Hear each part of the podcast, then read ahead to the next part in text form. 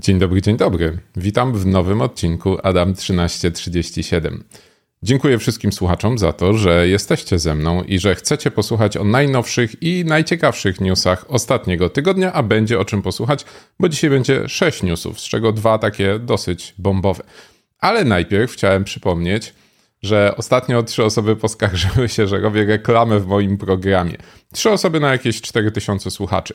Więc y, dla wszystkich, którzy skarżą się na reklamy w moim programie, pod, o, o, pod programem albo w opisie podcastu są linki z bezpośrednim przeskokiem od razu do newsów, więc można te minutę, dwie reklamy z początku ominąć, co serdecznie każdemu zainteresowanemu lub zainteresowanej polecam. A przypomnieć chciałem, że już w poniedziałek już w poniedziałek e, kończy się promocja e, darmowego wykładu. Całkowicie darmowego. Do wyboru jest e, tych wykładów całkiem sporo. Są najpopularniejsze do tej pory o pracy zdalnej, o hasłach, o, o bezpieczeństwie poczty. Żadnych haczyków tam nie ma. Można po prostu kliknąć, wysłać maila i dostać swój wykład gratis. No dobrze, koniec reklamy. Pamiętajcie, do poniedziałku, do północy przyjmuję zgłoszenia. A teraz e, czas przejść do sześciu newsów, bo te sześć newsów jest faktycznie w tym tygodniu ciekawych. Działo się, krótko mówiąc, działo się. A co konkretnie się działo? No nie sposób zacząć od czegokolwiek innego jak zhakowanego Ubera.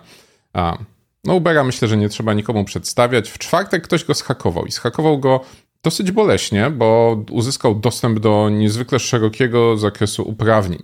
Co ciekawe, mm, opis zdarzenia pojawił się od razu na telegramie pewnej grupy hakerskiej, a z reguły musimy czekać, aż firma, jeżeli zechce w ogóle, przedstawi nam, co się tam stało. W tym wypadku nie musieliśmy czekać, bo firma, co się stało, dowiadywała się sama również z tego samego kanału Telegrama.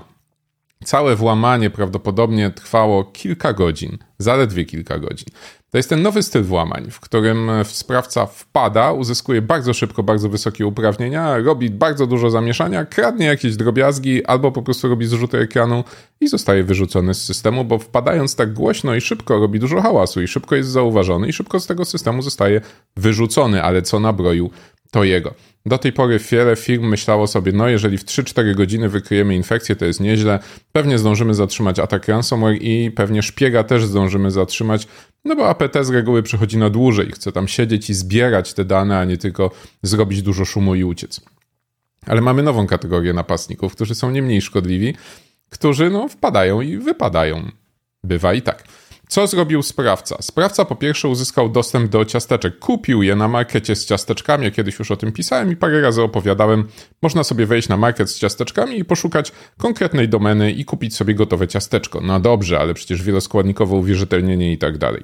No i tutaj właśnie przechodzimy do klasycznego drugiego etapu, czyli tego, że wieloskładnikowe uwierzytelnienie bez sprzętowego składnika, bez e, klucza, który wkłada się do portu, nie jest takie. Yy efektywne, nie jest takie skuteczne wobec zdeterminowanego użytkownika i zdeterminowanego hakera, ponieważ haker sam się przyznał, że wysyłał tyle powiadomień o logowaniu przez godzinę, że aż użytkownik, którego login i hasło e, miał albo wykradł przez ciasteczko, e, zmęczył się i następnie dostał ten użytkownik wiadomość na WhatsAppie, że musi to zaakceptować, bo jak nie, to będą dalej przychodziły i oczywiście haker podszył się tutaj pod IT firmowe, no i zaakceptował. No i haker dodał swoje urządzenie do zaufanych a potem twierdzi, że znalazł w jednym folderze skrypty Pythona, w których był login i hasło do systemu zarządzania dostępem uprzywilejowanym.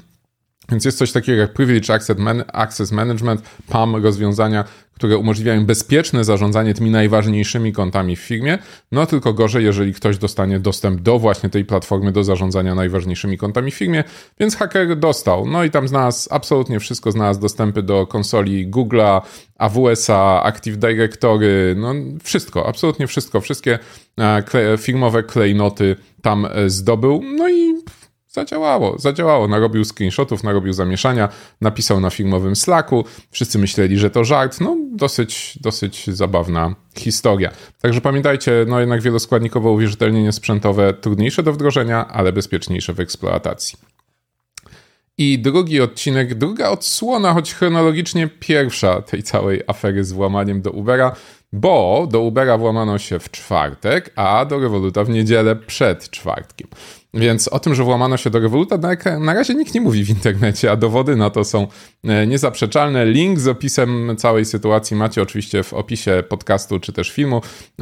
Jest komunikat litewskiego UODO, który mówi, że wykradziono dane około 50 tysięcy klientów. Włamanie prawdopodobnie przebieg identyczny, inżynieria społeczna na jednego z pracowników, a potem, żeby było śmieszniej, to co widzą widzowie na YouTubie, czyli e, głupie, złośliwe, wulgarne komentarze w czacie do pracowni- do, w czacie e, dla klientów, kto w niedzielę wieczorem otworzył aplikację do czatu z Uberem, mógł się trochę zaskoczyć. Czy to ten sam lapsus? Nie wiemy, ale wygląda na to, że ten sam, więc skacze sobie po dużych startupach, który następny Airbnb całkiem możliwe.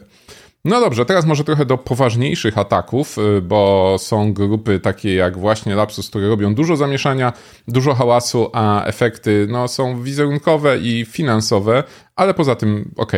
Natomiast są takie grupy, które mają cele polityczne, cele głębsze, cele bardziej zaawansowane i taką grupą jest na przykład niejaki Charming Kitten, czyli też APT-42.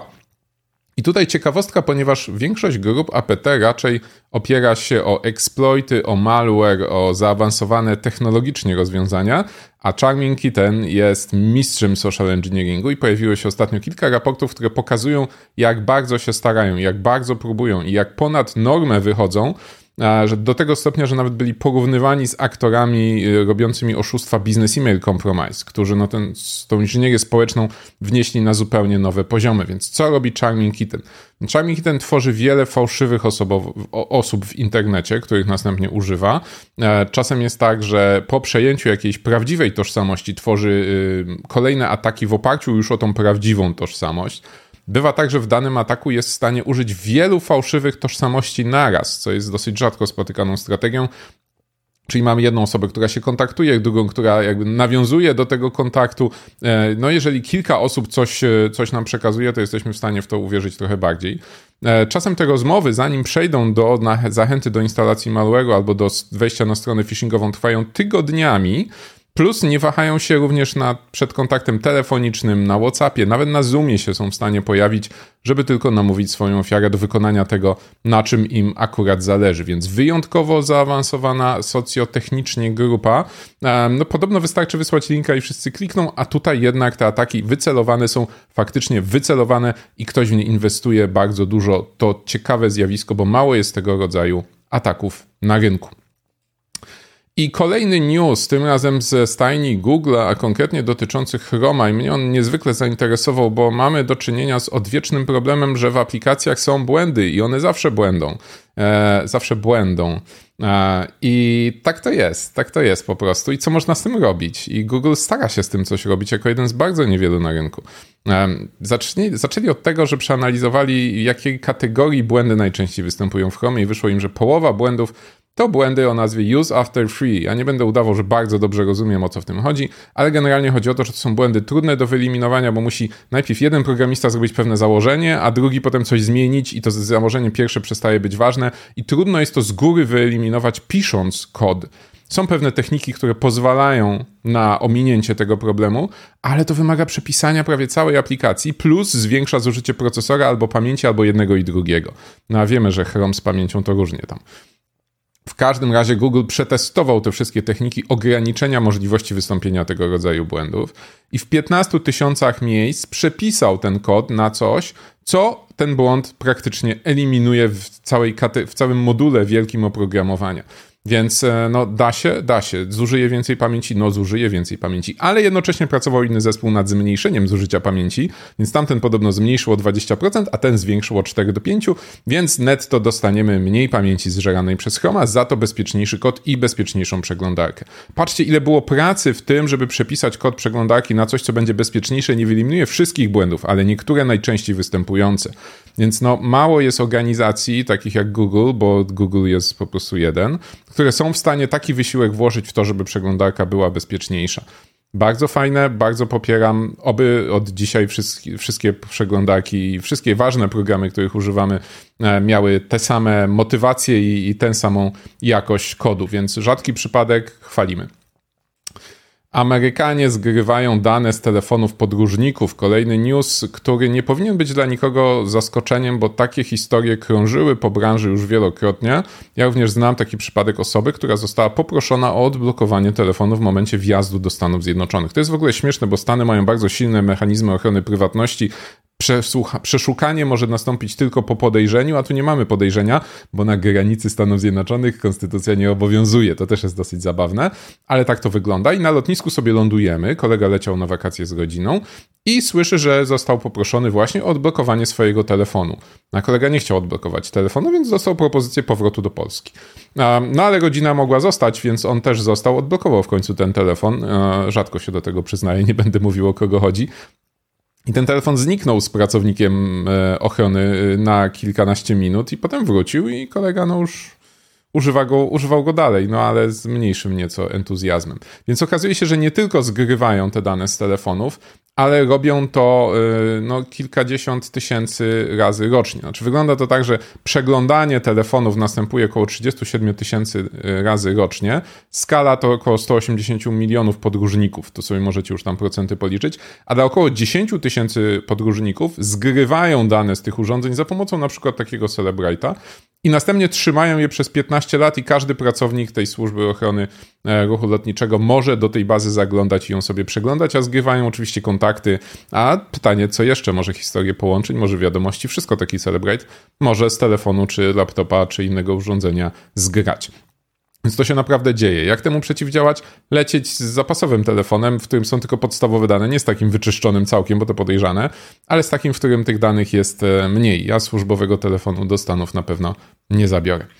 No i ostatni dzisiaj news, bardzo króciutki, tak zwany Deep Insert Scam Skimmers, e, czyli e, wkładacie kartę do bankomatu, sprawdzacie, że nie ma żadnej nasadki, a w środku w bankomacie, w dziurze na kartę siedzi sobie skimmer który jest zasilany bateryjnie, to żółte na zdjęciu dla tych, którzy oglądają na YouTube, to jest bateria. Skimmer ma grubość 0,7 mm i to niecałe. Szczytuje pasek magnetyczny, wszystkie karty nadal mają pasek magnetyczny. Oczywiście większość transakcji odbywa się już chipem, ale chodzi o kompatybilność, chodzi o to, że ludzie czasem jadą za granicę i nawet jak w Polsce już wszystkie terminale i bankomaty będą obsługiwały chip, to dalej ten pasek będzie na kartach, dalej tam są dane umożliwiające kradzież pieniędzy z karty.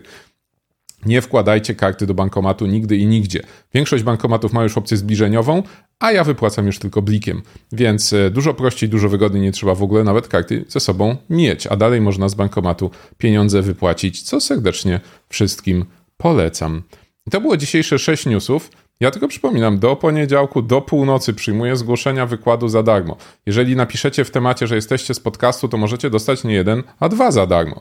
Więc możecie wyedukować swoich pracowników. Październik miesiącem bezpieczeństwa, najwyższy czas przygotować dla nich coś fajnego i ciekawego, a obiecuję, że moje wykłady są fajne i są ciekawe. Zresztą jak słuchacie mnie teraz, to chyba w to wierzycie, prawda?